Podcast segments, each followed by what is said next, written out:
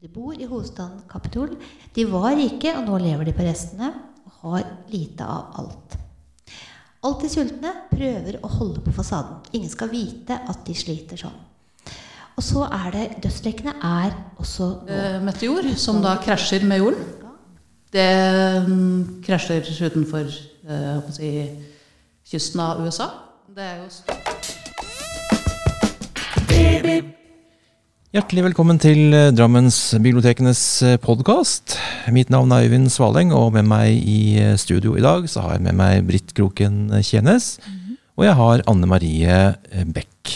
Og eh, nå er det en stund siden vi har eh, snakket om eh, noe særlig bøker. Vi har hatt en liten sommerpause i, i podkasten, som har gått litt inn i, i høsten. Og årsaken til det er at vi, vi holder på å, å planlegge litt og, og se litt på hvordan vi skal gjøre det her eh, framover eh, med, med podkasten. Så vi har noen, eh, noen ideer som vi jobber med litt sånn på, på siden av alt annet.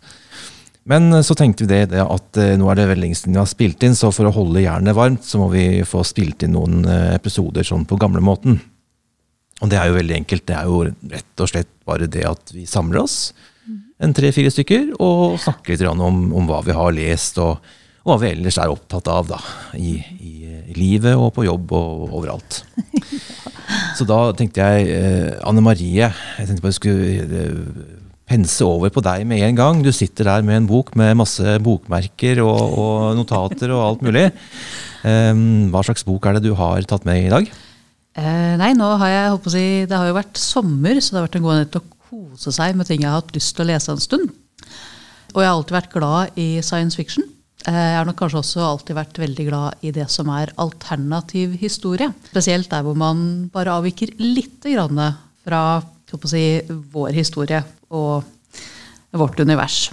Eh, Dette er da en bok som heter The Calculating Stars skrevet av eh, Mary Robinette Koval. The Calculating Stars spiller jo da på at hovedpersonen vår er matematiker. Eh, Er det som å si, er en gammel, gamledagers computer. Altså, De opprinnelige computerne var jo ikke datamaskiner, men mennesker som satt og beregnet ting.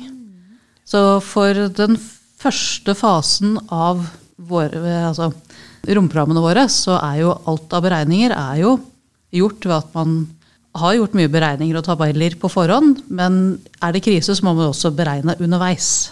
Det er for så vidt så vidt med datamaskiner i den første tiden, men det er jo mer den irriterende saken som stopper opp hele tiden. Er det sånne regnestaver og sånne gammeldagse Ja, ja. Regnestaver ja, Regnestaver og tabeller og ah, hele den. Så derfor The Calculating Stars. Å si, å beregne stjernene. Eller De beregnende stjernene. Det er også en eh, bok om astronauter.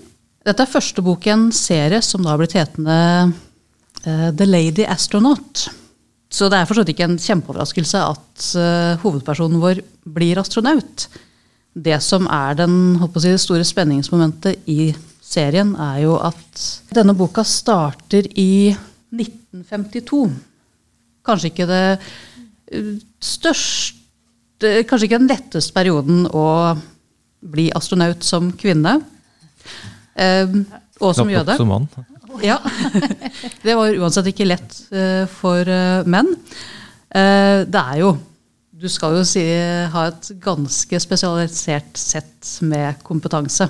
Og litt av grunnen til at den her nok si at historien er lagt i 1952, er at da er du ganske kort tid etter andre verdenskrig. Og amerikanerne hadde en del kvinner som var flyvere under andre verdenskrig. Ikke kampflyvere, men for å frigjøre menn til kampflyving. Så trengte jo noen til å å si, fly rene transportetapper med flyene. Og, å si, og av og til noe som begynner å nærme seg kamp. Bortsett at du får ikke lov til å fly med uh, bevæpning. Så det er litt av det historiske bakteppet som gjør det troverdig at du kan få til et løp her.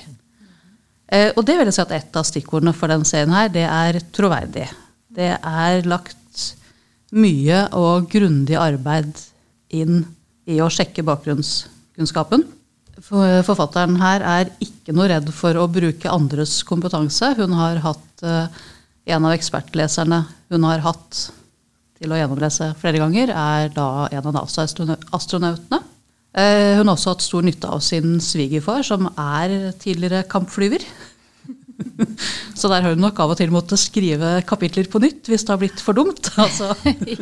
Det er noen forfattere som er veldig på det at det skal være riktig. Altså. Altså, Ja. Selv om det måtte være fantasi, så, så skal det sånn teknisk sett være mest mulig korrekt. Da. Ja, og når du skal skrive alternativ historie om uh, romfartskappløpet, så bør du ha fakta det best mulig. Eh, det skal også sies at um, opprinnelsen til denne serien startet egentlig med en kortroman som hun skrev en del år tilbake, som het The Lady Astronaut of Mars. Så dette er ikke romkappløpet mot månen, men det er romkappløpet mot Mars. Det er jo her du trenger den store, store katastrofen for å ha et bakteppe og en grunn til å faktisk satse på å reise til Mars. Og det du har, er eh, en stor eh, meteor som da krasjer med jorden. Det mm, krasjer utenfor eh, si, kysten av USA. Det er jo store konsekvenser i første omgang. Blant annet så forsvinner jo Washington DC, så da må du jo bygge opp igjen en god del av eh, det politiske og det, og det administrative. Da er jo Pentagon borte. Pentagon fantes da, ja, men eh, Ja, nei, du mister mye. Og i tillegg så oppdager man etter hvert at eh, man syns jo, trodde vi i utgangspunktet var en lykketreff at denne store meteoren traff havet, og ikke traff land, for da ville det jo blitt mye større sjokkbølger videre. Uh, ulempen er at det her gir oss starten på en liten istid før en dramatisk drivhuseffekt. Så det er en sånn Ja, bare 50 år fram i tid så snakker vi nok kanskje om at havene begynner å koke. Vi må faktisk ut i verdensrommet og kolonisere den. Mm. Så um, spennende. Jeg er bare ferdig med bok én. Så det er fortsatt igjen eh, mye av ferden ut. det var altså The Calculating Stars av eh, Mary Robinette Koval. Håper jeg uttalte det riktig.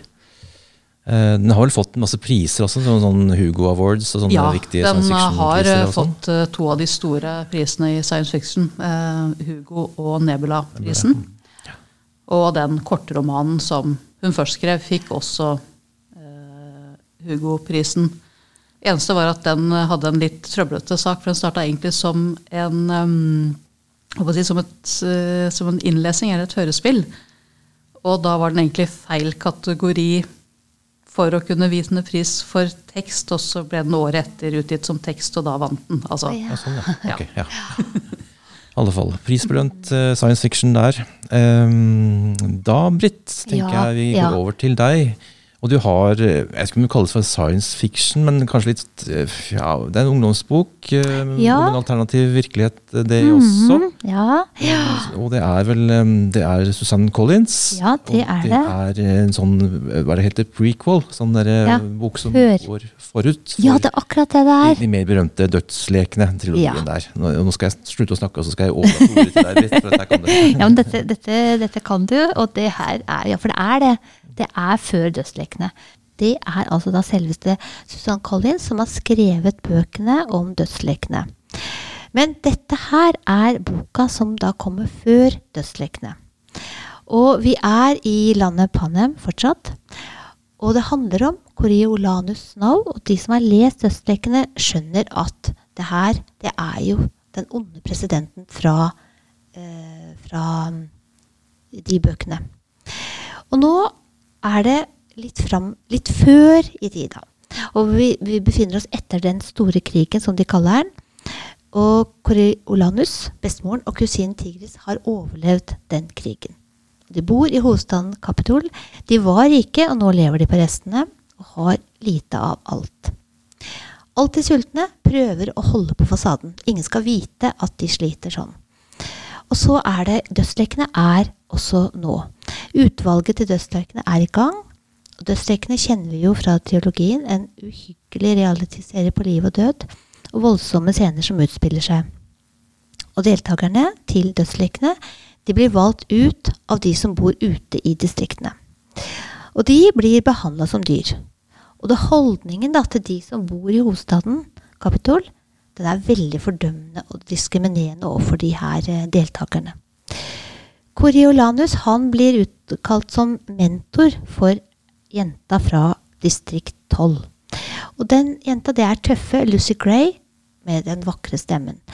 Og så får disse to en sånn veldig spesiell kontakt, da, og vi skjønner jo det er liksom lagt opp til Jeg tenkte at dette her, dette her blir en sterk og vakker kjærlighetshistorie. Som, jeg trodde på det, altså. Også, men blant disse dødslekenes mentorer fins en opprører. En som er totalt imot dødslekene. Seanus. Han stiller da spørsmålstegn, og det går ikke så bra. Uh, han vil ikke være en mentor, men han har ikke noe valg. Og denne boka den har, jeg synes han har veldig mange sånne sterke kvinner.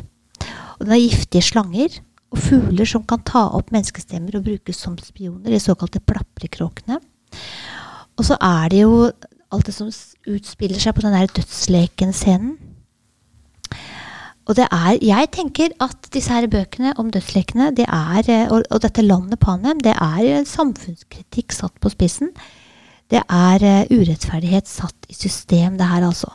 Det er grotesk, det er uhyggelig, det er kynisk. Og, men det her helt spesielle som jeg opplevde når jeg leste denne boka, det var at jeg først tenkte jeg, her er, kommer denne Corellianus og skal da redde hun ene som er med i dødsleken, og prøve å få henne til å vinne.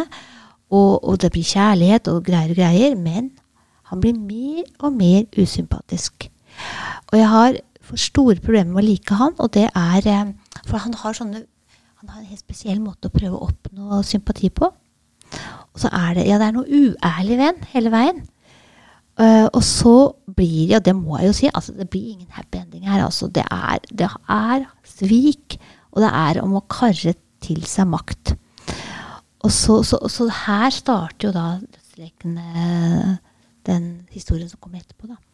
Og mottoet til Corolianus og hans slekt, det er 'Snow lander øverst'. Så, men jeg har inntrykk av at den boka her, selv om de andre dødslekende bøkene er ganske mørke, de òg, så er den kanskje enda mørkere den her. Det er liksom sånn uh, ja. Jeg, ja. Det er bare et inntrykk jeg har jo. fått. Jo, men jeg syns det, for det her Jo, absolutt. For i Dødslekene Jeg kan ikke skjønne hvorfor jeg ble så fascinert av den, for det er ganske uhyggelig og grotesk, og jeg liker jo ikke det. Men det er et eller annet med det samholdet, et eller annet med Det er en eller annen nerve, et eller annet sterkt og vakkert på tross av det inni de Dødsleken-bøkene. Det er det dette her, her, blir veldig urovekkende, for det, det, det, rokkes ved. Det blir ubalanse her. og det, det, kommer Det som jeg først trodde skulle bli sånn, det blir ikke sånn, altså det er, det, det er Jeg må jo si at det er veldig godt skrevet. Og, og gi sånne eh, reaksjoner hos meg, da. Du blir overrasket underveis? Ja, jeg gjør faktisk det. Og ikke til det positive.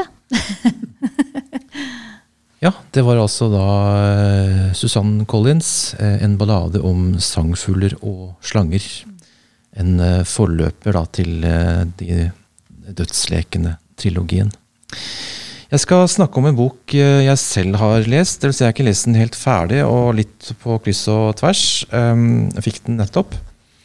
Eh, jeg ble presentert for en, eh, en kronikk av en ja, Hun er vel jobber i forlag som, som, konsulent og er vel litteraturviter i utgangspunktet. Kari Spjelnes. En kronikk hun hadde skrevet om, om, om, lesing da, i forbindelse med en leseaksjon som, som foregår, som, som, vi ikke er involvert i, da, men som ja, foregår. da. Og denne boka heter da 'Lese'. en liten bok om store opplevelser. Og er på en måte da en lengre versjon av den teksten som hun hadde i den, den kronikken. og jeg leser den litt for å komme litt tilbake igjen til lesningen. på en måte Komme tilbake litt igjen til um, gode lesevaner og, og, den slags. Og tenkte jeg skulle bruke den som inngangsport. Og det har fungert veldig, veldig bra. Så jeg har lest litt bøker, og så har jeg lest den her uh, sånn innimellom. Uh, og det hun snakker om i denne boka her, det er, det er jo rett og slett om hva som er spesifikt for lesing, som, altså det å tilegne seg kunnskap sånn via lesing kontra det å, å tilegne seg det via andre måter. Uh, hva som er spesifikt med lesing. altså Litt forskning på hva lesing gjør med oss, og det her med å, å dukke ned i en bok, hva det er for noe spesielt.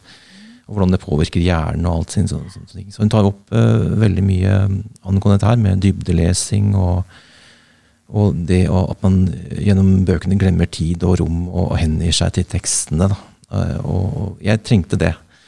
Uh, og ja. en veldig interessant bok. ikke så veldig lang. og 180 sider ca.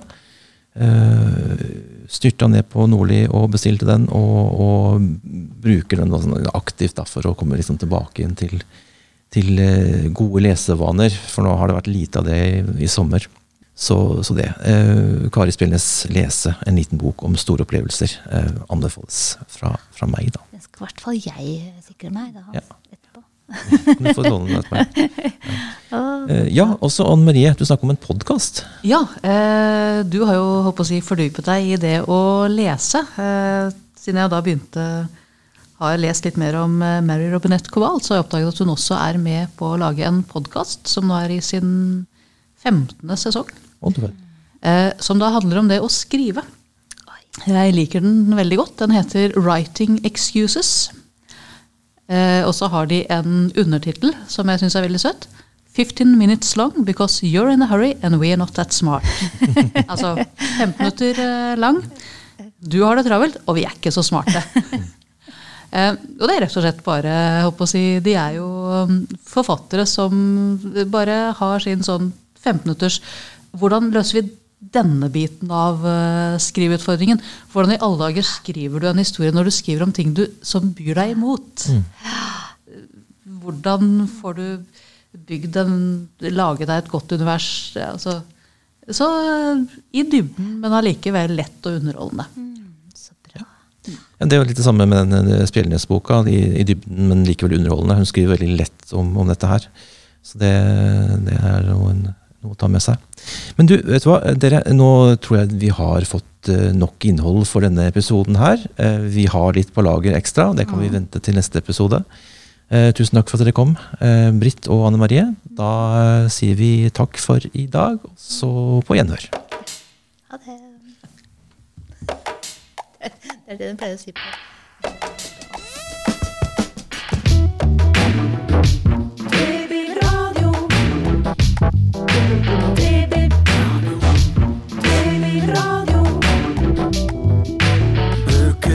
Blader, filmer og aviser Bilder, data, spill, musikk og nett.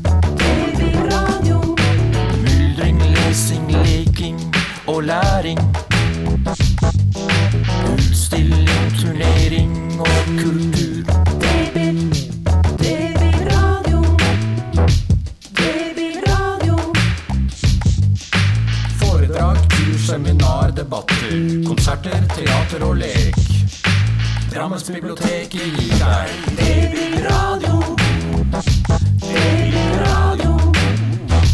Det blir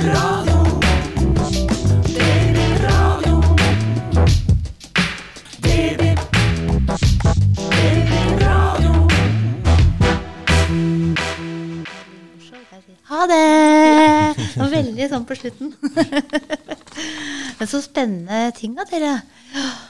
Ja. Det må jeg si. Eh, og Nei, det blir nok sikkert ikke oversatt. Nei, nei, nei. Da tror jeg